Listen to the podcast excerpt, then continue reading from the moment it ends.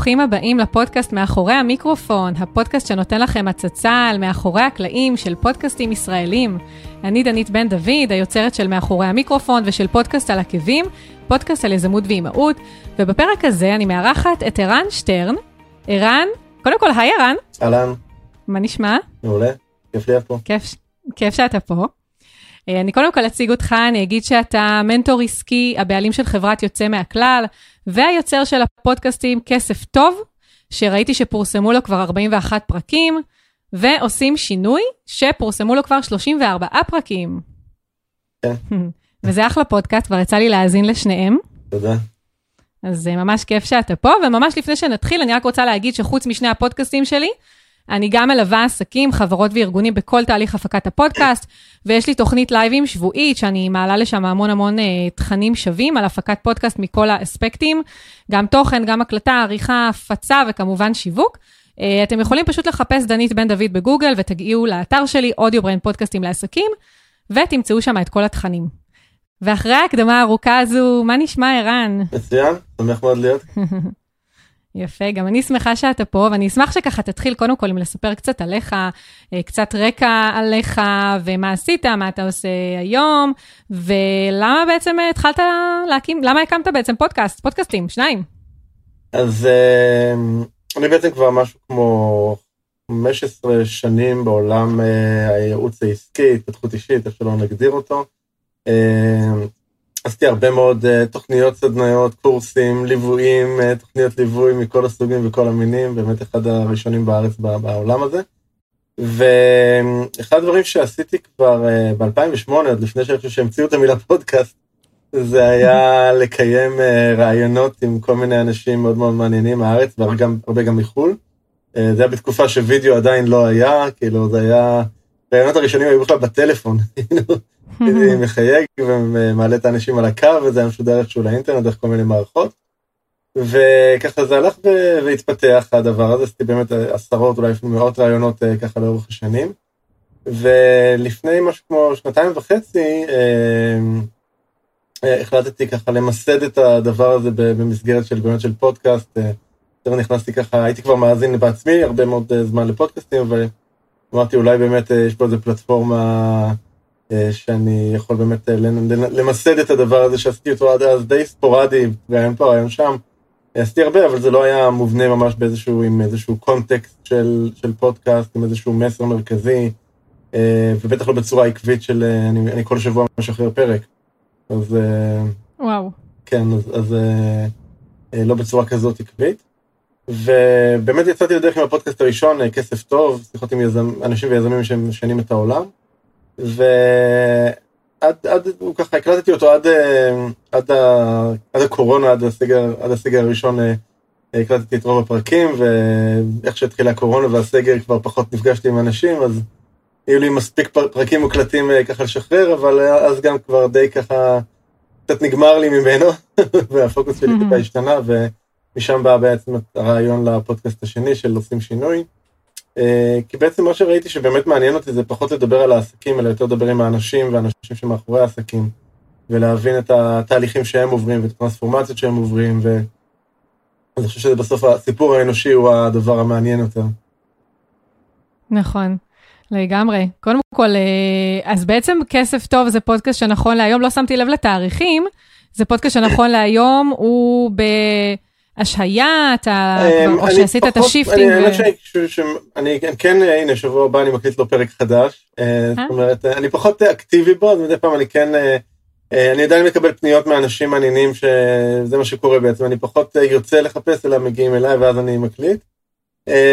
עושים שינוי, אני הרבה יותר אקטיבי ומחפש את האורחים, ובאמת מקפיד כל שבוע לשחרר פרק חדש. יפה. אז בעצם מה, מה ההבדל המהותי, אם תסביר ככה בקצרה, יש, ראיתי שזה כתוב ממש יפה באתר שלך, מה ההבדל בין שני הפודקאסטים? כי הם, הם, הם קצת דומים בקונספט שלהם, אבל קצת שונים. כן, הקונספט ברמה של רעיונות עם האנשים הוא, הוא, הוא דומה, ו, וגם חלק מהנושאים טיפה בשיחות הם דומים. הכסף טוב באמת אה, התמקד בעסקים שבאו לעשות שינוי, אה, שינוי בעל משמעות בעולם, מעבר רק לעשות רווחים לבעלי המניות ולבעלי העסק. ואז אה, שם באמת חיפשתי את העסקים האלה ואת האנשים שמאחורי העסקים האלה ואיתם דיברתי. אה, בעושים שינוי שחררתי קצת את העניין של העסק, זה יכול להיות עסק, זה יכול להיות דברים אחרים, אז זה יוצא לי ככה, זה הרחיב לי יותר את הספקטרום של, ה, של, ה, של האורחים שאני יכול להביא, זה מהרבה מאוד סוגים, אה, בין אם זה ספורטאים, כמו אריק זאבי ש, שהיה, ואיתן עזריה שהיה שחקן מכבי חיפה, ואם זה אומנים ויוצרים, אם זה השחקן זוהר שטראוס או אורקה, זמרת, ו, וכן הלאה, ואם זה באמת גם בעלי עסקים, ובכלל אנשים ש... עשו דברים אה, מאוד אה, מעניינים אה, לאורך השנים, ובעיקר אנשים שלא לא מפחדים מהדבר הזה שנקרא שינוי, שזה בעצם הפוקוס. הפוקוס שם זה שינוי, ואני מנסה, אני מנסה להביא דרך הפודקאסט, להראות לאנשים את המאחורי הקלעים. הרבה פעמים אנשים מסתכלים על איזשהו מישהו שהם תופסים אותו כנקרא לזה מצליח, או מה שזה לא יהיה, והם רואים את הנקודה הזאת שהוא הגיע אליה, אבל הם, הם לא רואים כל כך את הדרך, הם לא רואים מה עבר בדרך, הם לא רואים את התלאות, את האיסורים, את הכאבים, את הכישלונות, את הפחדים, הם לא רואים את הדבר הזה, הם רואים את התוצאה הסופית. וזה הרבה פעמים מתעתע, כי הם חושבים שהיה לו אולי מזל, או שהיה לו אה, אה, קשרים נכונים, או כסף, או השכלה, whatever. ואני בעצם מנסה לקחת את האנשים, באמת להכניס אותם למאחורי הקלעים, להראות להם את הדרך שהאנשים האלה עשו, ש... אין שם גרם אחד של מזל, עוד לא פגשתי בן אדם אחד שאפשר לייחס לו את העניין של מזל להצלחה או להישגים שלו, אלא באמת אה, הרבה יותר אה, אה, דברים אחרים. מנסה להיכנס, לעזור ככה, להראות את צורת החשיבה שלהם, את אופן הפעולה שלהם, ולהביא גם את הזוויות היותר אישיות ואנושיות שיש מאחורי לפעמים אנשים שאנחנו מכירים, ואנחנו רק מכירים את הסיפור החיצוני ולא את מה שיש בפנים. נכון. נכון. קודם כל, משהו שבאמת בולט בפודקאסט שלך, שהקשבתי בשניהם, שהקשבתי כבר לכמה פרקים, זה קודם כל הנינוחות והאינטימיות שנוצרת ככה בשיחה, אה, וגם האורך של הפרקים. זאת אומרת, רוב הפרקים, לפי מה שראיתי, הם מאוד מאוד ארוכים.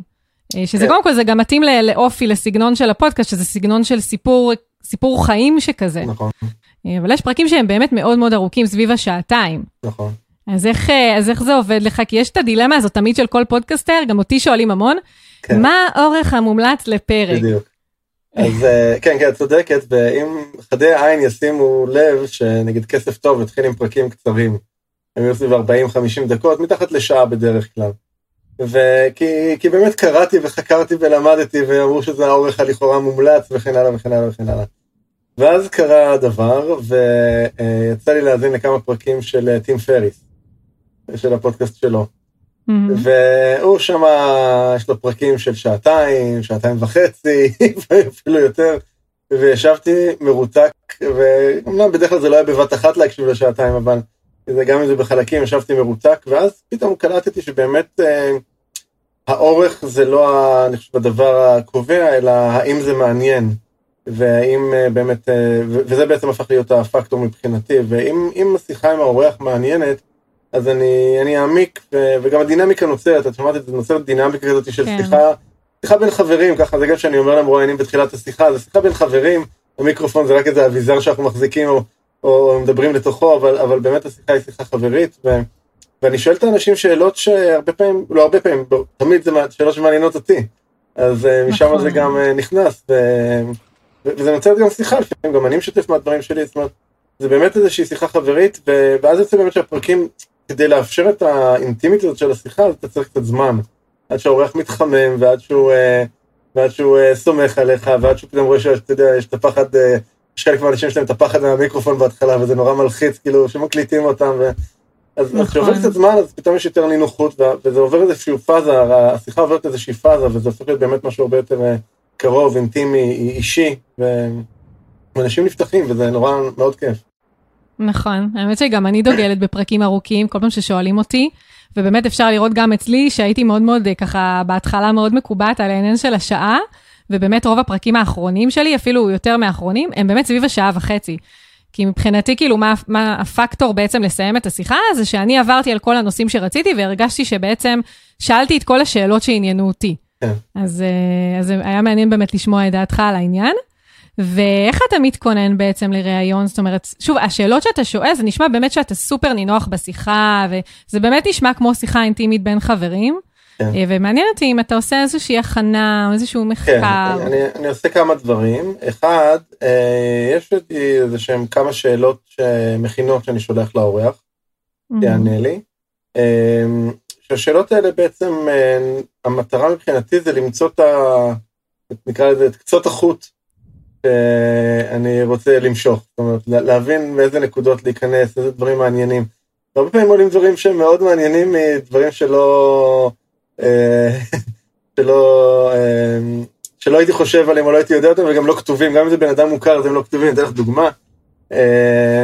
ראיינתי לא מזמן על הפרק עם אייל "the sout" ספריר, מי שמכיר מהיי פייב. נכון, אני גם ראיינתי אותו, כן. כן, פודקאסט מעולה שנקרא כל הגבר. ואחת השאלות בשאלות המכינות זה, זה מה, מה אנשים, מה רוב האנשים לא יודעים עליך. והתשובה שלו הייתה זה שהוא עשה אודישן לסרט פורנו.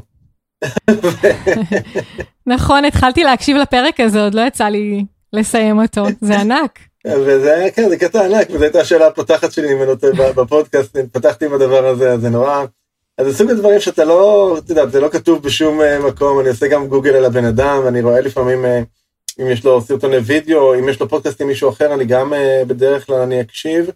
לא תמיד, אני, אני לפעמים מנסה גם להגיע ניטרלי, אני תמיד מנסה להגיע ניטרלי ולא, אבל אני כן רוצה לראות שאם אין דברים שפחות מעניין אותי לחזור על דברים שכבר נאמרו, אלא להביא את הדברים החדשים.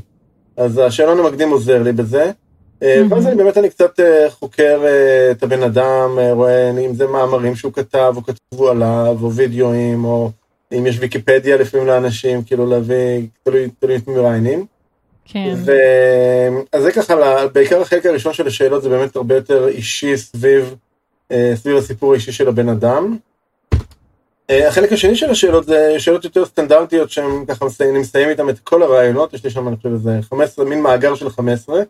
לא, לא תמיד אני שואל את כולם, אה, נורא תלוי בדינמיקה, חלק גם בשיחה המקדימה כבר זה נאמר. ובעיקר אני מנסה תוך כדי השיחה אה, למצוא את הדברים המעניינים, זאת אומרת, יכול להיות שאני שואל שאלה והמרואיין יענה איזושהי תשובה, והתשובה שלו תטריג אצלי איזושהי אה, שאלת המשך, אז אני, אז אני אמשיך להעמיק את זה, וזה, שם אני חושב קוראים הדברים המעניינים, זה פחות מהשאלות המראש דווקא, אלא ממה שקורה נכון. תוך כדי. נכון, האמת שאחד הטיפים שאני תמיד אה, אוהבת באמת לתת, זה להקשיב, זאת אומרת, אף פעם לא לקטוע את המרואיין, למרות נכון. שזה סופר קשה, בהתחלה כאילו זה היה לי ממש עבודה עצמית מאוד מאוד uh, קשה. כי באמת, בדיוק ברגעים האלה שאתה נותן לו לדבר ולדבר ולדבר, פתאום כאילו הוא מביא לך איזשהו טוויסט כזה, שבחיים לא היית עולה עליו אם לא היית נותן לו להשלים את המשפט. וזה באמת יכול לקחת את הרעיון למחוזות אה, ככה אחרים ולהעמיק את השיחה. ולהשאיר אותה, אני ממש מסכימה עם זה. כן, אני חושב שבאמת ההקשבה פה היא, היא סופר חשובה, אני, אני תמיד גם, יש לי תמיד לידי איזה דף, אז אני תוך כדי שהוא מדבר, אם, אם נפתה לי איזה שאלה, אני לא רוצה לעצור אותו, אז אני רושם לעצמי את הדבר, ואז אני יודע אחר כך לחזור, מחפש כל מיני פוינטרים. אמ, גם השמות של, שאני נותן לפרקים, זה מגיע מתוך דברים שה, שה, שהאורח אמר, בדרך כלל, ברוב המקרים זה איזשהו משפט שהוא אמר, זה איזשהו... אה, אה, איזשהו אה, משהו שעבר מאוד חזק, זאת אומרת, אני... האוזן שלי התרגלה לחפש את הדברים האלה, התרגלה לחפש, אני חושב שזה הניסיון פשוט, שהוא לאורך זמן, התרגלה לחפש את השאלה המעניינת, התרגלה לחפש את, ה, את המשפט, אחר כך להיות השם של הפרק הזה. אז זה, זה הרבה פשוט עניין של התנסות, אני חושב, הרבה ניסיון, עשיתי את זה הרבה מאוד זמן ושנים, אז כן. זה הופך להיות מאוד מיומן בזה. נכון, אני מאוד מאוד מסכימה. האמת שזה ממש דומה למה שלתהליך שאני ככה עוברת עם המרואיינים שלי. כי גם אני ככה, תוך כדי שאני מקשיבה, לפעמים אני ככה, כבר תוך כדי השיחה, אני... השם, השם כאילו קופץ לי לראש, כי השם באמת גם מבחינתי הוא סופר חשוב, אני חושבת גם לעניין של השיווק והמכירה של, ה, של, ה, של הפודקאסט. ואם לא, אז אני עושה עם עצמי, תמיד אחרי העריכה, אני עושה איזה סיור מוחות עם עצמי ומנסה באמת לאתר את, ה, את המסר הכללי, שבאמת של המרואיין. זה כן. ממש כן. מזכיר לי את התהליך שאני עושה. כן. ועוד משהו שככה עניין אותי בהקשר הזה, באמת דיברת על הפתיחה של הפודקאסט, באמת מה שראיתי שחוזר אצלך, ב, לפחות בפרקים האחרונים, אלה שאני הקשבתי להם, זה בעצם איזשהו מבנה כזה שיש לך איזשהו קטע קצר של ראיון בהתחלה, זאת איזושהי שיחה יותר נכון. כן. סוג של שיחה, ואז יש את הפתיח, ואחר כך בעצם כאילו מתחיל הראיון. נכון. עכשיו, מעניין אותי איך בעצם אתה מחליט מה יהיה בהתחלה. האם נניח זו שיחה שאתה אחר כך לוקח קטע מאמצע הפודקאסט ומלביש אותו בהתחלה? האם אתה אומר למרואיין, למרואיין שלך, טוב, זה עכשיו הולך להיות הקטע שהולך להיות בפתיחה, בוא נעשה איזשהו small talk, כאילו, איך זה עובד מאחורי הקלעים? אז, אז כן, אתה, אתה, אתה הבחנת את זה די נכון. אמ, אז האמת שבאמת שלפני שהתחלתי עם הפודקאסט, אז, אז עסקתי הרבה בחשיבה על המבנה שלו. אה, וגם אה, בגלל שלקחתי על עצמי את המחויבות הזאת להוציא כל שבוע פרק, שזה די אינטנסיבי, אז היה לי חשוב ליצור את זה גם בצורה הכי קלה להפקה, שאני לא אצטרך לעשות עריכות מורכבות ולא אצטרך להתחיל לחתוך קטעים וכל מיני דברים כאלה. אז מה שאני עושה, אה, יש לי מה שנקרא שאלת פתיחה, שזו השאלה הראשונה okay. שאני שואל, ואחרי זה יש את הרעיון שמתחיל כמו כל רעיון רגיל, שלום לאורח, וקצת תספר על עצמך, קצת כמו שאנחנו עשינו פה בעצמנו. כן. והשאלת פתיחה היא כאילו, היא out of the blue, היא מנותקת, כאילו, היא לא, היא לא קשורה לרצף בשום צורה. היא, היא כן, אני מחפש שאלה שתהיה שאלה מעניינת, שתגרום uh, לסקרנות, נגיד שאת אייל שאלתי אותו על העניין הזה של, ה, uh, של אודישן לסרט פורנו, אז, אז ברור שזה מין משהו כזה פיקנטי ש, שיגרום לאנשים, וואלה, זה נשמע מעניין, אז, אז אני מחפש תמיד את השאלה שהיא, שהיא ככה תדליק את, ה, את, ה, את הרצון של הבן אדם להקשיב הלאה. ואני אומר למרואי, אנחנו, אני מתחיל עם שאלת פתיחה, היא כאילו מהאמצע, ואחר כך אנחנו נעצור את ההקלטה, ואנחנו מתחילים את הרעיון ככה באופן יותר מסודר. ואז בעריכה, כל מה שנשאר זה רק לחבר את החתיכות, ולא לא צריך לחתוך מהאמצע משהו. אז, נכון. אז זה יוצא כאילו זה באמת באמצע השיחה נראה. כן, זה ממש, כאילו, ממש תהיתי לעצמי, ניסיתי מאוד מאוד להבין אבל בגלל שגם הראיון הוא ארוך, אה, הראיונות, ולא יצא לי עדיין להקשיב, אני מקשיבה הרי גם במקטעים, אני אף פעם לא יוצא לי כן. להקשיב לשיחה שלמה במלואה, אז כאילו לא הצלחתי באמת להבין האם זה לקוח מתוך, או שזה, זה, אז לא, זה מדליק, אהבתי, אהבתי את הקונספט. כן, זה קטע שהוא קלט בנפרד, וזה... אחר כך בהפקה זה עושה את החיים מאוד פשוטים, שלא צריך להיכנס לעריכות אה, מורכבות.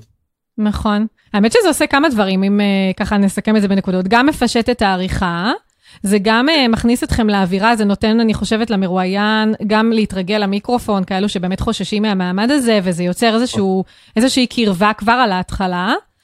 Uh, וזה האמת uh, גם סוג של טיזר, כמו שאמרת, למשל, כשהתחלתי להקשיב לפרק עם אייל, uh, אז, אז פתאום הקטע עם הפורנו הפתיע אותי, ואמרתי, בואנה, זה פרק ענק, אני חייבת להקשיב לו, ועוד לא יצא לי, אבל כאילו, זה כאילו נותן טעם כזה לעוד, זה כאילו אין מצב אני אשכח לחזור לפרק הזה. זה, נכון, וככה תוך כדי שאת אומרת את הדברים, אני, מה שעולה לי גם זה שאני חושב שזה גם באיזשהו מקום קצת שובר את הקרח די מהר. כי בגלל שאני מחפש את השאלות הפיקנטיות, אז זה כאילו מכניס, מכניס אותך לרובד שיחה שהוא קצת יותר אינטימי ממה שזה היה נבנה באופן רגיל. ואז, נכון. ה... ואני חושב שזה מאוד עוזר כאילו אחר כך להמשך, כי אתה ישר התחלת מין משהו מאוד פיקנטי או עסיסי כזה, או, או, או, או משהו שהוא פחות מה, מהרגיל. נכון. למצוא את השאלה הראשונה, זה, זה באמת הדבר היותר, אני חושב, אה, אני יותר משקיע עליו מחשבה, כי אני באמת מחפש את הדבר הזה שיעזור, אה, יעזור, אה, שיגרום למאזינים באמת את הסקרנות הזאת לרצות להמשיך לשמוע. כן, ממש מדליק. יפה, אולי אני אאמץ את זה גם. מדליק, אהבתי. uh, עכשיו עוד משהו שככה בלט לי באמת uh, בשני הפודקאסטים, זה שלמשל בפודקאסט, uh, אני חושבת בכסף טוב, יש לך פתיח שהוקלט, נכון? זאת אומרת כן. איזשהו פתיח שהקליטו עבורך. נכון. ובעושים שינוי, שזה בעצם, עכשיו אני, כאילו גיליתי שזה בעצם הפודקאסט השני שלך, כן. החלטת לקריין אותו לבד. נכון. אז מעניין אותי ככה למה התנסית ככה בשתי האופציות, ולמה החלטת ללכת דווקא על קריינות לבד, שאני דרך אגב מעדיפה את זה, אני חושבת שזה יותר אותנטי. כן. אז uh, אני באמת, uh, בכסף טוב באמת הקלטתי קריינות. Uh, למה? כי, האמת כי קראתי שזה מה שעושים. והאמת שגם לא עושים שינוי הקלטת, כאילו כבר הייתה לי קריינות, כבר הייתה קריינית שהקליטה לי פתיח. ושלחתי את זה לכמה חברים ואנשים בצוות שלי וזה, שאלתי אותם מה דעתם. אמרו, פתיח סבבה, אבל תקליט אותו בקולך. אמרתי להם, מה באמת? אמרו לי, כן. אז אמרתי, טוב, בוא נעשה ניסיון. הקלטתי בקולי, שלחתי עוד פעם, אמרו לי, זה הרבה יותר מוצלח. אז, אה, אז, אז ככה היה. וסתם אנקדוטה, מי שהקליטה לי את, את, אה, את הפתיח, אני לקחתי מישהי בפייבר. ואחרי איזה חודשיים אני מקבל ממנה הודעה, ואמרתי, תקשיב, אני הקשבתי לפודקאסט שלך, ואני רואה שבסוף הקלטת בקולך, מה קרה? לא אהבת את הקריינות? יואו. לא, לא, היית בסדר גמור, אבל הפידבקים שקיבלתי הראו לי שעדיף שזה יהיה בקולי. אה, איזה קטע, יאללה. נכון, בפייבר אפשר להשיג גם ישראלים, יש הרבה ישראלים כן, שעושים בפייבר גיגים. לא בעיה, זה לא. בעיה, כן. אני איזה חושב. שבאמת בדיעבד, אני חושב שזה באמת נכון, אה, במיוחד לעושים שינוי, שאני חושב שבקונספט שלו הוא הרבה יותר אישי. אה, אני גם, גם מרשה לעצמי שם הרבה יותר להיפתח עם האורחים. כסף טוב היה יותר אה, מרובע כזה, יותר סגור, יותר מאוד מאוד אה, מובהק עסקי כזה נקרא לו. ועושים שינוי הרבה יותר אה, חברי באופי, הרבה יותר אישי, הרבה יותר אינטימי, ו... ואני אני מאפשר גם, מרשה גם לעצמי הרבה יותר להיות פתוח ומשתף דברים שלי, מה שקודם פחות, פחות הייתי עושה. כן. נכון, הקטע הזה באמת של החשיפה, זה משהו שאני חושבת שהוא נבנה עם הזמן. כן. זאת אומרת, גם אצלי בהתחלה הייתי מאוד מאוד עצורה, מאוד מאוד סגורה, מאוד התמקדתי ב, אה, במרואיינים, במרואיינות שלי, ועם הזמן באמת אה, היה לי הרבה יותר קל, כאילו, להתר... כאילו הסתגלות איטית שכזו. אה, לגמרי, זה ממש מין תהליך של להבשיל לתוך זה באיזושהי צורה. נכון. יפה, אז מה רציתי עוד לשאול אותך? אז קודם כל, אז בוא תספר לי ככה, לפני שככה נמשיך אה, לגבי איך אתה בוחר את המרואיינים שלך, אני אשמח לדעת ככה איך זה, איך זה מבחינתך, הייתה לי פשוט שאלה אחרת והיא ככה ברחה לי. אמ, אז איך זה בעצם לתחזק שני פודקאסטים נכון להיום? כי אמנם כסף טוב הוא כאילו, כרגע אני מבינה, הוא פחות או יותר בהשעיה, אבל כאילו, אני, יש לי הרגשה שכאילו אתה מרגיש סוג של מחויב עדיין להמשיך אותו, או שזה רק התחושה שלי? אה, כן, אני אני עדיין מחויב לו, אה, אני עדיין מקדם אותו ומדבר עליו ומפרסם אותו באופן שוטף. נכון. אה, אני גם מאוד אוהב אותו, אני לא, אני פשוט, אני חושב שיש שם פרקים באמת מעולים, עם אורחים מאוד מאוד מעניינים, ואני חושב שהוא גם עושה שירות מאוד מאוד טוב לעולם הזה של באמת עסקים עם משמעות ועסקים שבאים לעשות טוב. אבל באמת באופן אישי העניין שלי בתחום הזה טיפה, טיפה ירד או התחלף, ועבר באמת לסיפורים יותר מעניינים של אנשים. אה, אז אני כן, כן אני מחויב לו, ו- ואני, ושוב, אם בא אורח מעניין אז אני, אני אקליט שם עוד פרק ו- ואני מהמם. אוסיף, אבל, אה, אבל אה, באמת עושים שינוי היום יותר בפוקוס שלי. ואיפה אתה מקליט, דרך אגב, את הפודקאסטים? אתה מקליט באולפן? אה, לא, יש לי ציוד שלי, מהמם. בדרך כלל אני, אני יושב בחדר ב-WeWork בשרונה, שם אני זוכר מקום, ובדרך כלל אני מקליט שם. אה, לפעמים, אם צריך, במקרים חריגים, אה, לפעמים חלק מהפרקים הקלטתי בבית עם חלק מהאורחים, אה, חלק אצלם, אבל בדרך כלל זה שמה. יצא דווקא לא רע, זה בדרך כלל יש שם חדרים שהם בתוך, כמו ממ"ד כזה, אז הוא מאוד אטום. זה חדר מאוד מאוד אטום, וזה יוצא בסך הכל לא רע. ובאמת היום עם הציוד, יש ציודים, ציוד מעולה היום בכלום כסף, זה, זה נורא, נכון. נורא קל יחסית ליצור באמת אה, איכות בהשקעה ממש אה, לא גבוהה. נכון, נכון. יש הרבה אנשים דווקא שבאמת העניין הטכני זה החסם שלהם, או שהם בטוחים שהם צריכים להשקיע הרבה כסף בציוד, ואני דווקא תמיד אומרת שההשקעה האמיתית פה זה לא הכסף, זה הזמן, שכאילו נכון. בסוף מן הסתם מתבטא גם בכסף, כן? כי זמן הרבה פעמים שווה כסף. אה, אבל שם באמת באמת. נמצאת ה... ככה ההשקעה הגדולה. זה אה, נכון, אני, אגיד, משהו אולי רגע באמת כן. על הדבר הזה של הזמן, אני חושב שככה מהמם. אולי זה קצת טיפ העניין הזה. כן. בהתחלה שהייתי מקליט את הפרקים הראשונים, אז באמת הייתי מזמן את האורח, זה היה סביב השעה. אמ, ואז גם זה לא מאפשר יותר מדי להעמיק, וגם אה, תמיד יש איזה בלת"מים, ותמיד... והיום אני מזמין את האורחים, זה לשלוש שעות. אה, כי אני יודע שאני הולך להקליט את הפרק בין שעה וחצי לשעתיים, אה, קצת לפני, קצת אחרי, לא רוצה, ואין את הלחץ. אז כשאין את ה... כשהבן אדם יודע שהוא מגיע לשלוש שעות, כשאני יודע שאני מגיע לשלוש שעות, זה אף פעם לא לוקח שלוש שעות באמת, אבל, אבל אה, קרה לי אגב עם חלק מהאורחים שאחרי הפודקאסט ישבנו ודיברנו עוד שעה וכיף. קרה לי גם בסוף נכון. השיחה הזאת מישהו אמר לי, את השיחה הזאת היינו צריכים להקליט. נכון, יואו, זה תמיד קורה, תמיד קורה. גם אצלי. אמ, כן, אז, אז, אז באמת אני חושב שלתת לזה מספיק זמן, זה יוצר באמת גם אווירה מאוד נינוחה. שהאורח נכון. לא מחכה שהוא רגע צריך לצאת כי הפגישה הבאה שלו, או שאתה לא צריך לצאת לפגישה הבאה. אז אני חושב שזה מאוד חשוב לתת את ה... לרווח את זה ולתת את הזמן. לגמרי. לגמרי, האמת שבדיוק לא מזמן הקלטתי פרק עם תהילה דויטש גבאי, שדווקא כבר ראיינתי אותה בעבר לפרק אה, על עסק אחר שהיה לה, והפעם היא באה להתראיין על העסק החדש שהוקם בזכות בעקבות הקורונה, ושם באמת זה היה מאוד, צריך להיות מאוד מאוד מהיר, כי היא מאוד מאוד מיהרה.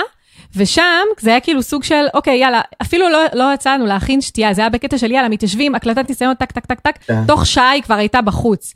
אה, והיה פרק קצת, כאילו מדהים, מדהים, עוד לא פורסם, אבל באמת יצא פרק מדהים, שתינו יצאנו בהרגשה הזו, אבל שמה זה היה באמת בגלל שהייתה לנו כבר היכרות קודמת, זאת אומרת, אנחנו גם חברות כן. פייסבוק, בקשר דרך הפייסבוק, גם היא כבר התראיינה, זאת אומרת, כל הקטע שלה לשבור את הקרח לא היה נחוץ פה. אה, אבל אני ממש מסכימה, אני גם תמיד אומרת אה, ומשתדלת שהאורחים שלי ישריינו לעצמם מספיק זמן, כי אחרת זה באמת לא נעים, כן. הקטע של הלחץ הזה. אצלי אורחים בערך אני חושב מתחלקים פחות או יותר, נראה לי, משהו כמו 50-50 בהקשר של 50 אחוז שיש לי איתם איזושהי היכרות מוקדמת, ו-50 אחוז שהם זרים מוחלטים עד, עד לרגע הרעיון. ואז כמובן שאם יש היכרות מוקדמת אז, אז אה, יש כבר את הקשר ויש את החיבור. אה, דווקא אלה שלא, אז אני באמת מקפיד שלפני זה אנחנו שותים משהו ומדברים כמה מילים, ו, אה, וגם בתקשורת לפני, כאילו, אז, אז זה ליצור את הסוג של יחסים לפני. ואני באמת, אחד הבנפיטס מבחינתי מהפודקאסט זה באמת, ה, זה כלי מדהים לחיבור, להתחבר לאנשים מאוד מעניינים. שאחר כך באמת אה, אתה, אתה, לא, אתה לא יודע לאן, לאן זה יכול לקחת אותך, וזה יוצר, יוצר, בחלק מהמקרים יוצאים ממש קשרים מאוד מעניינים עם חלק מהאורחים, וזה מאוד מאוד מאוד כיף. נכון, האמת שזה גם במיוחד אה, קורה ב... כשהראיון הוא פרונטלי. נכון. זאת אומרת, אני מרגישה את ההבדל הזה בצורה משמעותית. למשל, פודקאסט על עקבים מוקלט פרונטלית, ובתקופת הקורונה, כשהיו סגרים, אני באופן אה, גורף הפסקתי את ההקלטות, כי לא הייתי מוכנה לעבור לאונליין. כן. אה, עם הפודקאסט הזה, ומאחורי המיקרופון מוקלט כל כולו אונליין, וזה חד משמעית אחרת. לגמרי. אני, אני באופן כללי גם אה, באמת לא, לא מקליט אה, אונליין, אלא אם זה היה לי כבר אורחים מחו"ל. אז זה, mm. זה אין ברירה, אבל, אבל אם זה מישהו בארץ, אז אה, אה, לא, לא חושב שיצא לי מישהו בארץ להקליט לא, לא, לא פרונטלי. אה, כי יש משהו בזה שאתה מסתכל לבן אדם בעיניים ואתם יושבים סביב שולחן קטן ואתם רואים אחד את השני והמחוות גוף והמבט, זה, זה, זה אנרגיה אחרת, יש פה איזה אנרגיה שנוצרת נכון. שאני חושב שהיא מאוד חשובה. היא עוברת מאוד. בשידור. נכון, לגמרי לגמרי. אה, במיוחד שמדובר בריאיון שהוא סופר אה, אינטימי ובאמת נכון. מדבר פה על איזשהו תהליך שהבן אדם עבר. כן. אה, אז קצת קפצת לי ככה עם העניין הזה של מה, למה, במה הפודקאסט תורם, אבל אני אשמח לפני כן לשאול אותך, כי אתה בעצם מפרסם נכון להיום, אמרת פעם בשבוע פרק. כן. שזה סופר סופר אינטנסיבי, זאת אומרת, בפודקאסט על עקבים עשיתי את זה בהתחלה, די הרבה זמן, והרגשתי שאני פשוט נשחקת. כן. ועברתי לפעם בשבועיים, והיום עם שני הפודקאסטים אני מפרסמת, משתדלת פעם בשלושה שבועות, עד גג פעם בחודש לכל פודקאסט, אה, וזה סופר אינטנסיבי. אז ככה, אני אשמח לשמוע כמה טיפים שלך בעניין הזה של איך אתה מתחזק את הפודקאסט פעם אז, בשבוע. אז באמת, אה, לקח לי, מהשלב של החשיבה לפודקאסט ועד, עד ההוצאה שלו לפה, לפה לקחו כמה חודשים, כי אני באמת הקדשתי לזה הרבה מאוד חשיבה באיך אני עושה את הדבר הזה בלי שהוא אה, הופך להיות איזשהו עול. אה, ו... ואז מזה גם נבע כל מה שסיפרתי קודם על הפורמט של להקליט הפתיח וכולי, וכל מיני דברים כאלה. אה, מה שאני בעצם הבנתי זה שאני לא רוצה להגיע אף פעם למצב שאני נגיד נמצא היום ביום אה, שני, ואני אומר וואי ביום ראשון צריך לעלות פרק ועוד לא הקלטתי ואני לא יודע, כאילו לא, אמרתי אני אין מצב שאני מגיע למצב הזה. אה, כן. ואז תמיד יש לי, נגיד עכשיו יש לי ארבעה פרקים מוקלטים כבר שמחכים מראש, נגיד היום, בנקודה הזאת. Uh, לפני חודשיים היו לי משהו כמו עשרה פרקים מוקלטים. אה, הצטברו כל, כך, הצטברו כל כך הרבה שאפילו בשבועות האחרונים אני פרסמתי אפילו פעמיים בשבוע פרקים. כדי קצת לשחרר את, ה, את הזה. האמת שפשוט אני נורא נהנה מהרעיונות, אז, אז uh, אני פשוט מתאם, אז uh, אני, אני משתדל להקליט בכל חודש בין ארבעה לשישה פרקים. שאני מקליט אותם, נגיד עכשיו למשל, אה, עד, אה, נגיד כשאני מתאם היום הקלטות זה כבר לאוגוסט. זאת אומרת, כל mm-hmm. יוני וכל יולי יש לי רעיונות מתואמים, יש לי בערך, אני מעריך ביוני, יולי, מה שנשאר עכשיו, משהו כמו שבעה, שבעה רעיונות כבר מתואמים. והיום אני מתאם כבר עם אנשים לאוגוסט, זאת אומרת אני, אני קצת כמו תכנון כזה מראש, אבל אני פשוט זורק את זה לעתיד כזה, ואז אני, אני דואג שתמיד יהיה לי את, ה, את, ה, את המאגר הזה של קדימה. לפני כמה ימים בדיוק הסתכלתי ואמרתי, אוקיי, רגע, כאילו קצת לא, לא, לא תיאמתי, אז באמת פניתי לאיזה ארבעה חמישה אנשים, וטק טק טק טק טק טק טק, פתאום הכל מתמלא ואתה, ואתה בסדר. אז, אז ברגע שאני יודע שמתואם לי מספיק קדימה, ואני יודע גם שיש לי את, ה, את המאגר הזה של פרקים מוקלטים שמוכנים כבר, אז אני אין, אין לחץ. אני לא, אני אף פעם לא בלחץ להקליט את הפרק. לפעמים קרה שאני נגיד אכניס גם, נגיד אני אקליט פרק ואני אכניס אותו לפני הסדר של ההקלטה, או לפני פרקים שהוקלטו כבר, כי מכל מיני שיקולים אחרים, אה, אבל אה, בדרך כלל, אה, נגיד סתם, בקורונה, אני זוכר בסגר הראשון, היה איזה עניין, כל עניין של חר... יחסים של חרדים, חילוניים וכל הדבר הזה, וראיינתי ראיינתי מישהו חרדי שדיבר על זה, והיה לי נורא חשוב כאילו להביא את זה בזמן שזה, את יודעת שזה אקטואלי, אז, אז, אז כן. את זה לפני, לפני הסדר שהקלטתי, בדרך כלל זה יהיה לפני, לפי הסדר שאני מקליט אותם. אמ, אז, אז זה מבחינת ככה התזמון של הרעיונות, זה נותן לי הרבה מאוד שקט, זה בלוז מאוד מרווח מבחינתי, אני לא, לא נלחץ מזה. יש לי, יש לי עובד שאחראי בעסק על כל העניינים הטכניים, טכנולוגיים וכולי, ו, ובעצם הוא, הוא זה שמטפל בעצם, מהרגע שאני אני נותן לו, שם את הקבצים אמ, שהקלטנו, יש עוד איזשהו קובץ וורד עם כל המידע הנוסף, אם זה התקציר של הפרק וכל מיני דברים כאלה, ותמונת סלפי שאני עושה עם האורחים, אז מרגע זה הוא כבר, אה, אתה יודע, זה כמו מכונה משומנת, הוא מכניס, הוא עורך, הוא מוסיף פתיח, סגיר, מעלה, מפרסם, אה, מדיה חברתית, כל הדברים האלה. אה, אני יכול להגיד פה אגב, סתם, אם זה תעשה גם קידום ככה רגע למשהו, אז אני רגע עם הבנים שלי בדיוק מקימים גם שירות כזה. אה, וואלה, כן. של מה, של כאילו הפקת פודקאסטים, של עריכת פודקאסטים? של, כן, ברגע, ממש ככה, זה, זה לעזור לאנשים אה, בכל האלמנטים הטכניים אה, שמפחידים אותם, זה לערוך, זה להוסיף פתיח סגיר, זה לעלות לפלטפורמות, זה לפרסם לסושיאל או כל מה שצריך.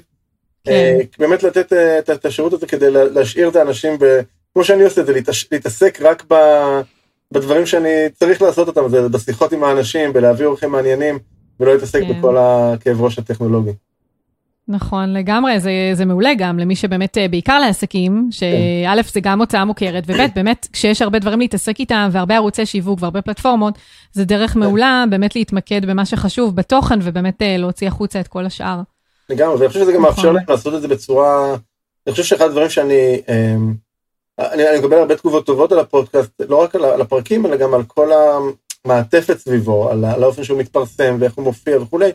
זה, וזה מאפשר כשיש לך משהו, באמת איזושהי מערכת מאוד עקבית שעושה את זה, וזה לא משהו אימפרוביזורי, ואתה אומר, רגע, פה שכחתי לעלות ליוטיוב, לא שכחתי לעלות ליוטיוב, אתה לא מתעסק עם זה, ו- ושכל ה... אתה יודע, שהגרפיקה נראית כמו שצריך תמיד. יש פה אלמנטים ש- שהם דורשים טיפה עבודה ותשומת לב, ובאמת כשאתה יכול להוריד את זה מהראש שלך, אז, אז זה עושה את זה מאוד קל. נכון. דרך אגב, אתה מתאם יותר מראיון אחד ביום, או שזה כבר קשוח מדי לא, לעשות שש שעות רצוף? לא, זה נראה לי קשוח. קשוח, נכון? כן, שש כן, שעות זה באמת מטורף. צריך לבוא... רענן. אם אני מסיים כן. שלוש שעות לראיון כזה, אז שניים כאלה ביום זה כבר too much נראה לי. כן. אה, אבל יצא לי נכון. לעשות אה, נגיד איזה שלושה ימים ברצף כל יום אחד. וואו זה גם אה, כן, אינטנסיבי כאילו אתה צריך להיות ממש all in אתה צריך להיות סופר מרוכז. כן, כן אני קצת לפעמים אובססיבי בדברים האלה. זה פשוט יצא מה שקורה זה שאני מקבל גם אני מקבל גם לא מעט פניות מאנשים או אה, יש לי כמה אורחים אה, מאוד חמודים וכיפים שמפנים אליי אורחים מעניינים אז אני. יפה. זה בדיוק הייתה השאלה הבאה שלי, איך אתה בוחר את המרואיינים שלך? אז יש פה באמת כמה דברים. אחד, יש אנשים שיש לי איתם איזשהו סוג של היכרות אישית, אה, שאני חושב שהם מתאימים, אז אני מראיין אותם, לפעמים חלק מהאורחים שלי זה נגיד זה לקוחות שלי, כן. יש שעשו דברים מעניינים, אז גם אותם אני מראיין, אז זה, זה, זה היכרות אישית. אה, יש כאלה שקשורים לפניות שאני מקבל. אני חייב להגיד פה שאני אה, פה אני עושה איזשהו סוג של סינון, כי הרבה, הרבה מהפניות הם... מנסה לחשוב מה המילה ה politically correct להגיד את זה, אבל הן אה, קצת אופורטוניסטיות, אה, זו כן. המילה. נראה לי שכל פודקאסטר נתקל בזה. כן, הפניות האלה, כן. בדיוק, אז אני, אני ושוב, אני, אני לא פוסל פניות שפונים אליי, אני רק בודק את זה קצת יותר לעומק. אה, סתם, פנו אליי איזה יחצן לפני איזה שבוע, שאני אבוא לראיין את המישהו שהוא מנהל איזשהו קרן בשוק ההון. בסדר, זה לא, לא ה cup of tea שלי, זה לא מה, ש, זה לא מה שמעניין כל כך. אה, אז זה לא... אז איך אתה, אז כאילו מה אתה אומר להם באותו רגע? אתה אומר להם אני- לא, אני- אתה אני- אומר... אני בודק אה, קצת לראות מהבן אדם, אני גם רוצה לראות מה הם מציעים לי, לראות אם יש שם משהו שמעניין. ואני אומר שזה לא כל כך מתאים לא- לאופי הפודקאסט, וזה לא. מתאים. אמ, ו- אז אז זה ערוץ שני שמגיעים, ערוץ שלישי שמגיעים זה כמו שאמרתי מהפניות, אה, בין אם זה קולגות או, או, או ערוכים בפודקאסט שמפנים אליי אנשים אחרים. אה, אגב, אני חושב ששאלה, אני לא שואל אותה הרבה, אבל כי, כי באמת לא חסרים לי כל כך עורכים, אבל שאלה שאני חושב שמעניין לשאול אורח זה בסוף הרעיון, נגיד אם יש לו, אם יש לו אנשים שאני חושב שהיה לי מעניין לראיין אותם, ואז משם יפה, להגיע לעוד אנשים. אה, יפה. וה, והדרך, וה- והערוץ הרביעי זה שאני מאתר אנשים שבא לי לראיין אותם. זאת אומרת, אין לי איתם קשר אישי, אבל נורא בא לי לראיין אותם, אה, ואני פשוט פונה אליהם. אה, עכשיו, יש כל מיני סוגים של אנשים פה, זאת אומרת, יש כל, ככל שבן אדם נקרא לזה יותר ידוע, מוכר, מפורסם, אז, אז זה קצת יותר קשה לפעמים להגיע, לא תמיד אתה גם מצליח להגיע אליו ישירות, אני תמיד אעדיף להגיע לאורח ישירות ולא לאיזשהו מישהו בדרך. לא תמיד כן. זה אפשרי, אה, אבל אני חושב שהיום בעידן של פייסבוק ולינקדאין וכל הדברים האלה זה קל יותר מתמיד. נכון. אה, אני חייב להגיד על זה שעד כה, מהניסיון שלי, ושוב, אני, אני עושה רעיונות כאלה מ-2008, לא רק בפודקאסטים, כמות האנשים שסירבו לי, אה, אולי חמישה, אולי, אה, ממש, ממש מעט. שוב, זה אנשים מאוד אה, ידועים, מפורסמים, אנשים כמו סט גודין וסיימון סינק. וואו, שסירבו. שסירבו, כן. אה, וואו, מעניין אותי מה סט גודין, אה, אני גם עוקבת אחריו שנים. כאילו, אה, שלחתי לו מייל אישי. הוא חזר אליי אחרי זה דקה וחצי, וואו, הגיב אחרי זה דקה וחצי. הכי לא בפאסון, מה? הכי לא בפאסון של אני בן אדם עסוק. לגמרי לא, זה, זה היה נורא, זה, זה, זה היה מגניב, כאילו לא, לא הצלחתי לראיין אותו, אבל זה היה מגניב. אה, הוא כתב לי, sorry ערן, I don't do that, ו- וזה זה נגמר.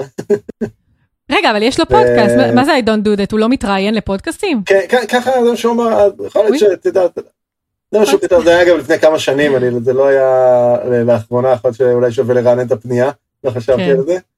אה, אה, אז באמת מעט מעט, אניטה מורג'ני שהצוות שלה חזר אליי שאמר שהיא מאוד מאוד עסוקה, סיימון סינק שהצוות חזר ואמר ש... אה, שגם שהוא עסוק והפנו אותי לכל מיני אנשים שעובדים. איתם, אני רוצה לראיין אותם. אה, אסתר היקס למי שמכיר, אז הצוות שלה חזר ואמר שהיא לא עושה דברים כאלה. אה, ובסדר, אני מעריך ומכבד, את יודעת, אבל אני חושב שאולי המסר כן. פה זה, זה תנסו, אין לכם מה, נכון. אין פה מה להפסיד, כאילו, אני ראיתי שהרבה מאוד אנשים, אה, אפילו שהם לכאורה, מה שאנחנו קוראים להם, מאוד אה, מוכרים, מפורסמים, מצליחים, וואטאבר, הם מאוד שמחים.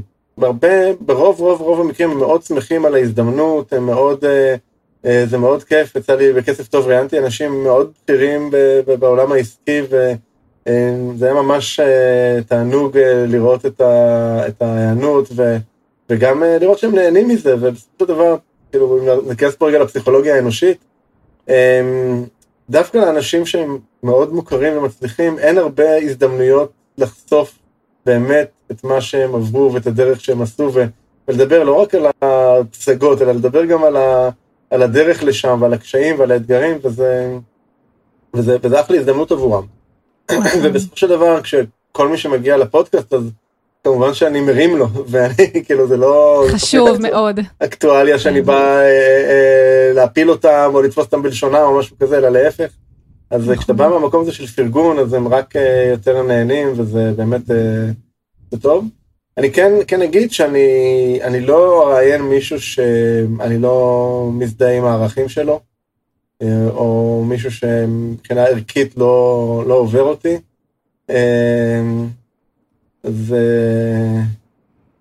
זה ככה, אפילו היה לי איזשהו מקרה מאוד, אה, מישהו למעלה כנראה, לא יודע יש ידי מכוונת.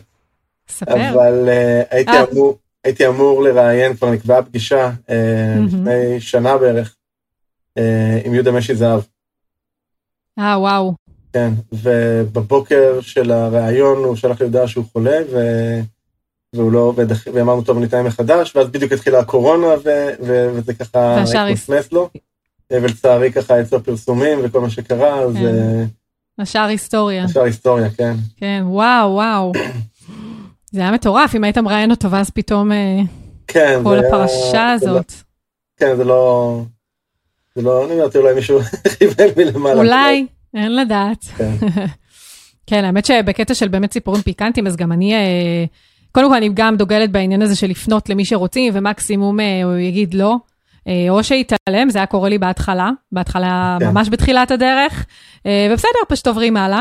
והיה לי איזה קטע שבאמת אה, פניתי למישהי מוכרת מחו"ל, אני מעדיפה לא לציין את שמה, אבל מישהי מאוד מוכרת, שהרבה הורים עוקבים אחריה, ו... ורציתי שהיא תתראיין לפודקאסט שלי, ואז גם את פודקאסט על עקבים הקלטתי בווידאו. Mm. ממש וידאו פרונטלי, שלוש זוויות, זאת אומרת, זה היה סוג של הפקה מטורפת עם, עם, עם תאורה והכול, והשקעתי ממש.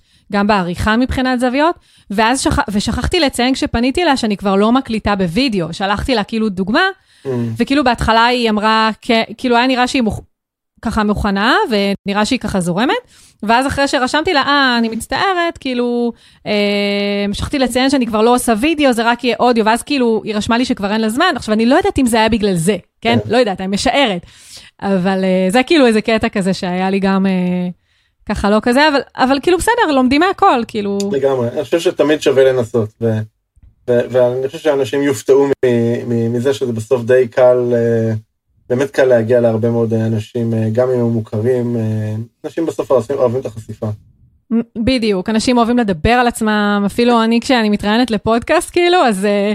אז תמיד בסוף אני כזה אומרת פתאום, טוב, תודה שהיית, וזה אני כזה, רגע, מה, נגמר הראיון? תמשיכו לשאול אותי, תמשיכו.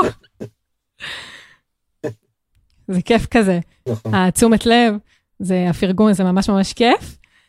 אמ, ומה שעוד ככה רציתי לשאול, זה, אז בעצם ככה, איך אתה מרגיש בעצם, ככה ציינת את זה בקטנה, אבל באיזה אופנים הפודקאסט בעצם תורם לך? אמרת את כל העניין של הקשרים האישיים, שזה אני סופר מסכימה, אבל אה, איך זה תורם נניח לחיזוק המותג שלך? כי בעצם ברוב הפרקים, מה שאני יצא לי לשמוע, באמת הפוקוס העיקרי זה המרואיינים שלך. נכון. אה, אז, אז איך בעצם אתה מרגיש שזה תורם לך? יש פה כמה, כמה דברים. אחד, אה, אני חושב שבאמת פודקאסט היום זה אחד הערוצים הכי מדהימים ואפקטיביים בעיניי להשיג חשיפה. אמ, אנשים נמצאים המון בדרכים, רצים, שוטפים כלים, whatever, וזה בעצם, אה, האודיו לא מתחרה על תשומת הלב שלנו, זאת אומרת, אני יכול לנהוג ובמקביל אה, אני יכול אה, גם להקשיב לפודקאסט, זה לא, זה לא מתחרה כמו לצפות בווידאו או לקרוא ספר. ולכן אני חושב שהוא ככה בעלייה שאנחנו רואים אותה מאוד מאוד חזקה, אז זה קודם כל באמת נותן חשיפה. אין מה לעשות, גם כשאתה, נכון שהאורח רוב זה, הוא רוב הזמן מדבר, אבל אבל עדיין אתה, אתה מארח שלו, ואז אם אתה מארח מישהו, אתה ישר נהנה מאיזשהו, אה, אה, נקרא לזה השוואת לחצים, זאת אומרת מולו, אה, וזה משהו שנותן, אה, בונה את האוטוריטה. מעבר לזה, אני כן, אה, ככל שאני יותר מאפשר לעצמי גם כן להיפתח ולשתף מהדברים שלי ומניסיון שלי, אז אה, זה נותן גם לאנשים איזושהי הצצה, מה שנקרא, אליי, וזה גם משהו מאוד משמעותי. חלק מה, מהרעיונות, כמו שאני עושה, שציינתי קודם, אני עושה עם לקוחות שלי, ואז כמובן ש, שגם שם הם מפרגנים בחזרה, אז יש פה גם כן משהו שקורה. אה, נכון. אנחנו ראינו ש, שזה ממש עובד חזק, יש אפילו לקוחות שנמצאים בתהליכים כאלה מולנו, אם תתחבר לתוכנית כזו או אחרת, אנחנו שולחים להם באופן יזום פרקים מסוימים, אה, שיקשיבו להם. ו... וזה מדהים כאילו עד כמה זה אפקטיבי וחזק, ותחשבי על זה ש... ש... נגיד אם אנשים סתם מסתובבים בפייסבוק ואתה מנסה לתפוס את התשומת לב שלהם עם איזה סרטון של חצי דקה או שלוש דקות, כמה זה קשה. ופה אתה מושיב בן אדם והוא שעה וחצי מקשיב לך. זה, זה כאילו, זה אימפקט מאוד מאוד מאוד מאוד משמעותי, אה, ואני חושב ש... אני חושב שעוד יש עוד עתיד מאוד גדול לפורמט הזה בהקשר הזה. נכון. אני גם אה, מאוד מאוד מאמינה בפורמט הזה, והאמת שהקטע של הלשלוח אנשים לפרקים, אני מה זה מזדהה עם זה, כי זה, אני כאילו מרגישה לפעמים שאני נותנת שיעורי בית, גם בקורס האונליין שלי, אני שמה, יש לי כישורים כזה לכל מיני אה, פרקים שעשיתי, אה, או גם בלייבים אני מדברת על זה, אה, ממש, פשוט גשו, תקשיבו לראיון, או אנשים למשל שעדיין פונים אליי ולא בטוחים שפודקאסט הוא כלי אה, שיווקי אה, מעולה, אז אני פשוט הולכת אותם, לכו, תקשיבו לאחרים, התראיינו אצלי כבר כל כך הרבה מאחורי המיקרופון, לכו תקשיבו להם, אל תקשיבו לי, לי יש כביכול אינטרס, כן? כי אני כאילו עוסקת בזה. אז אל תקשיבו לי, תקשיבו לאחרים, וזה לגמרי, אני, אני מאוד מסכימה עם כל מה שאמרת. כן. זה כלי שיווקי מעולה, ויש את, ה, את הקטע הזה של האינטימיות הזאת, שאני חושבת שבאמת לא קיימת ב, בערוצים אחרים. לגמרי, בסופו של דבר גם כשאתה מדבר, אה, כשבן אדם מקשיב לך שעה, שעה וחצי, שעתיים, אתה, אתה מצליח לבסס מולו רמת אמון די גבוהה בסופו של דבר, כאילו, כשהוא מקשיב לך כל כך הרבה זמן, לא מדבר שהוא מקשיב לכמה פרקים. הרבה אנשים אומרים לי, אתה יודע, כאילו, הם, אתה לא מכיר אותי, אבל אני מכיר אותך, כאילו. נכון. נכון. ו... נראה לי זה משפט שכל פודקאסטר יכול להזדהות איתו, נכון, לגמרי. שפונים אליו. נכון. לגמרי. הייתה לי אפילו מישהי פעם אחת שדיברה, שגם התעניינה ב, ב, בשירותים שלי, והיא כאילו, היא נורא התרגשה לדבר איתי, הייתה כזאת מקסימה, היא כאילו, היא כאילו הייתה בהססנות, ואז היא אמרה לי, אני מצטערת, אני ממש מתרגשת לדבר איתך, ואני כאילו, זה כזה חמוד, אני כאילו כל כך, כאילו, אני מבינה אותה, אבל כאילו כל כך לא נעים לי כזה, כאילו, מי אני בסך הכל? כאילו, כן. אבל כן, זה עושה אימפקט מאוד חזק על אנשים. Mm. לגמרי. יפה, אז uh, אני חושבת שאנחנו לקראת סיום, אנחנו כבר כמעט uh, 50 דקות uh, ככה מדברים. uh, הייתי שמחה ככה אם תשתף באיזה משהו מרגש, איזה פנייה מרגשת שקיבלת מהפודקאסט, uh, או משהו ככה שזכור לך ממש. אמ, לפני, אה, לפני חושב משהו כמו חודשיים, אולי טיפה יותר, קיבלתי איזה מייל מבחור בשם אליעזר אשכנזי, אני מציין את השם שלו כי יש פרק איתו, עלה לפני כמה שבועות. ובמייל הזה הוא כתב לי בעצם שהוא היה מאובחן עם OCD מאוד מאוד קשה, ובעקבות, אה, זה התחיל מזה שהוא נחשף לפני כמה שנים לאיזשהו סרטון וידאו שלי, ואחרי זה הוא קרא את הספר שלי וכולי, הוא עשה עם עצמו עבודה והוציא את עצמו מה-OCD. והמייל שלו. כל כך ריגש אותי שהתקשרתי אליו כדי לדבר איתו. ואחרי כמה דקות של שיחה אמרתי לו, תקשיב, את השיחה שאנחנו עושים עכשיו אנחנו חייבים להקליט. והזמנתי אותו להתארח בפ- בפודקאסט. וזה היה באמת פרק מאוד מאוד אה, מאוד מרגש אה, ומאוד נוגע ובאמת אחד החוויות שאני מאוד מאוד אה, שמחתי עליהן. אה, זה ככה סיפור אחד ובכלל אני חושב שבאמת כמעט מכל ראיון הוא כל בן אדם אה, יש איזשהו משהו שמאוד מעניין. עם אורקה אה, ביקשתי ממנה שתביא את הגיטרה והיא ניגנה ושרה שני שירים תוך כדי. תוך כדי הראיון ויצא פרק באמת אה, פרק מהמם בעיניי. אה, מגניב, אני אה, אקשיב. עשיתי פרק מעניין גם עם אה, רונן גפני, שזה גם עלה לי ככה באיזה השראה אחרי איזה ריצת בוקר. התקשרתי אליו ואמרתי לו, אתה יודע, בוא נעשה איזה משהו אחר, במקום איזה פרק, עשיתי איתו פרקים גם בעבר, במקום מהמם. פרק רגיל, בוא נעשה פרק שאנחנו מעלים איזשהו נושא וכל אחד מאיתנו מדבר ונותן את הזוויות עליו. ו- אה, פרק שנקרא oh my God, כאילו העולם השתנה, מה עכשיו? כאילו, וואי. מגניב. וכן, יצא פרק מאוד מעניין, ולקחנו גם שאלות, כאילו פרסמנו מראש שאנחנו הולכים לעשות את זה, וקיבלנו שאלות בפייסבוק מהאנשים, ואז התייחסנו אליהם, אז, אז אה, זה היה ממש כאילו יותר מין אה, דינמיקה כזאת של חשיבה משותפת על נושא במקום, ו- ודברים מאוד מעניינים, אז אני, אני, אני אוהב את את הדברים האלה שהם באמת הם אה, קצת אה, הם מוציאים מה, מהשגרה הרגילה ועושים עושים משהו מעניין. אני יכול להגיד אולי עוד משהו, אני חושב שגם העניין של אורחים מחו"ל, בעיניי זה משהו שמאוד מאוד תורם, בכסף טוב יש לי לא מעט פרקים עם חבר'ה מחו"ל. אה, בעושים שינוי, האמת שהשבוע התפרסם הפרק הראשון. אה, עם דוקטור דוטוני נאדר, הוא ה- הוא נכון, המשה ראיתי. של המעריש עם האש יוגי. אה, אז אה, זה משהו שגם, אה, אני חושב שהוא מאוד אה, מאוד עושה טוב. זה גם כאילו כמו name dropping כזה, כאילו אתה מביא אנשים שהם כמו, בעצם אושיות, זה, זה גם עושה טוב לפודקאסט. למיטו, כאילו, זה לגמרי מחזק, כאילו, אני כן, משתמשת בזה הרבה, זאת אומרת שאני אומרת שראיינתי את זה ואת זו, וכאילו עושה name dropping כזה, זה כאילו, זה נכון. מוסיף, מוסיף, מוסיף מין יוקרה כזה לפודקאסט. חד משמעי, לגמרי, אנשים, אה, זה עושה רושם על אנשים, זה, וזה כן, זה משדרג, זה לגמרי משדרג את, ה, את הפודקאסט, זה, זה נותן לו איזה נופח אה, מקצועי יותר וכולי, וזה גם זה גם עוזר בהמשך, שאתה רוצה להזמין אורחים אה, נוספים, אז כשהם רואים מי יתארח אצלך, אז הם, זה נהיה להם מאוד קל להסכים, להגיד כן. נכון. נכון, בדיוק לפני אה, שבוע ראיינתי את אה, שרון רבי, שהיא הבעלים של אה, דפני, מברשת שיער- השיער, אני לא יודעת אם אתה מכיר, מברשת שיער, אה, מברשת החלקה, דפני, שהיא הצלחה באמת אה, עולמית, אה, והגעתי אליה באמת דרך קבוצה של אה, רעות תקני לי. שאת רעות אה, לוינברג אני ראיינתי בעבר. עכשיו, היא עשתה שם איזשהו, אה, כאילו איזשהו שיתוף פעולה איתה, ובעצם מכרו שם בהנחה את המברשת, וכאילו זה היה סוג של בעצם פתח עבורי לפנות אליה. כאילו אמרתי לה שראיינתי גם את רעות בעבר, אני אשמח אם היא תקשיב, אני אשמח לראיין אותה. וככה בעצם הגעתי אליה, והיא מאוד מהר הסכימה, בכלל בחורה מקסימה, אבל היא מאוד מהר הסכימה גם כן להתראיין. אז אני מאוד מסכימה עם זה. אה, יפה. אז אה, ערן, היה לי ממש ממש כיף. גם לי. אה, היה לי כיף לקבל הצצה ככה מאחורי הקלעים של הפודקאסטים שלך. ואני אשמח, אה, אם יש עוד משהו שככה בא לך להגיד לסיום, מה שבא לך, טיפ, תובנה, מה שבא לך. אמ, אז אני אגיד, אני אגיד שני דברים. אחד, אני חושב שבאמת אה, אה, כדאי, זה נכון שאפשר להסתכל על פודקאסט כמשהו שיווקי ועסקי ובעל ערך לעסק וכולי, וזה נכון. אה, אני חושב אבל שכדאי באמת למצוא את הפורמט שאתם נהנים ממנו. זאת אומרת, אני, אני פשוט מאוד נהנה מזה. אני מאוד מאוד נהנה מזה. אני נהנה לפגוש את האורחים, אני נהנה למצוא אורחים מעניינים, אני נהנה מאוד מהשיחות, אני מאוד נהנה מהתגובות שאני מקבל אחר כך מהאנשים על ה...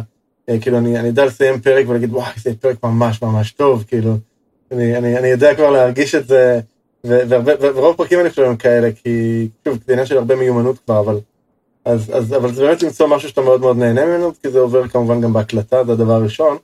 דבר שני, שני שאני רוצה, אני, אני רוצה ככה להגיד לך תודה, כי אמרתי לך את זה גם בשיחה המקדימה שלנו, שבכמה חודשים האלה שהתלבטתי וחשבתי את כל החשיבה על, הפודקאסט, אז האתר שלך אה, מאוד מאוד אה, שימש אותי, כאילו מאוד אה, נעזרתי שם בתכנים ו, והקשבתי וראיתי, ומאוד עזר לי ככה בגיבוש של, ה, של הקונספט אה, לפודקאסט שלי. תודה. איזה כיף, תודה רבה, איזה כיף לשמוע. אה, אז ממש ממש תודה, לי ממש כיף לארח אותך פה. וניפרד גם מהמאזינים שלנו, נגיד לכם תודה שהייתם בעוד פרק של מאחורי המיקרופון. כמובן שאם הפרק הזה רלוונטי לאנשים שאתם מכירים, אז אני מאוד אשמח שתשתפו אותו איתם, ואל תשכחו להירשם לעדכונים דרך האפליקציה, דרכה אתם מאזינים. זהו, ושיהיה לכם יום נפלא. ביי ביי. ביי.